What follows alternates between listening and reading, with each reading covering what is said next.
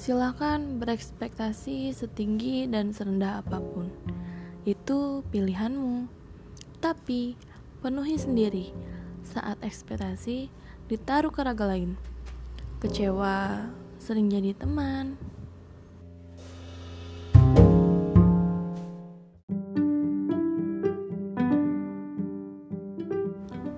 Kadang sabar dijadikan alasan penunda takut bagi kita yang terlalu rumit berpikir.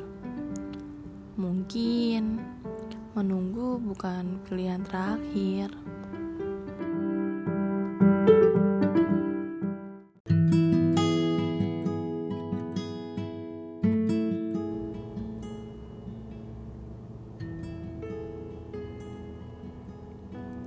Bumi gak hanya berputar buat kita.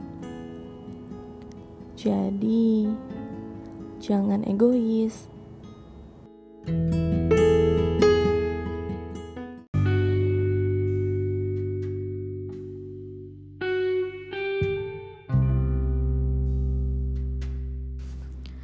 Di hari ini, aku menemukan banyak pelajaran. Pelajaran menghargai, pelajaran untuk saling mengasihi, pelajaran untuk saling tidak egois. Ketika kita berteman, kita harus tahu teman kita tuh seperti apa. Banyak orang bilang bahwa teman yang lebih tahu kita itu yang akan menjadi musuh kita tapi beberapa tidak. Aku memilikinya,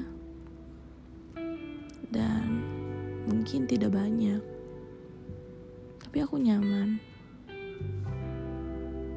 Beberapa peduli, beberapa saling cuek, tapi mereka saling sayang.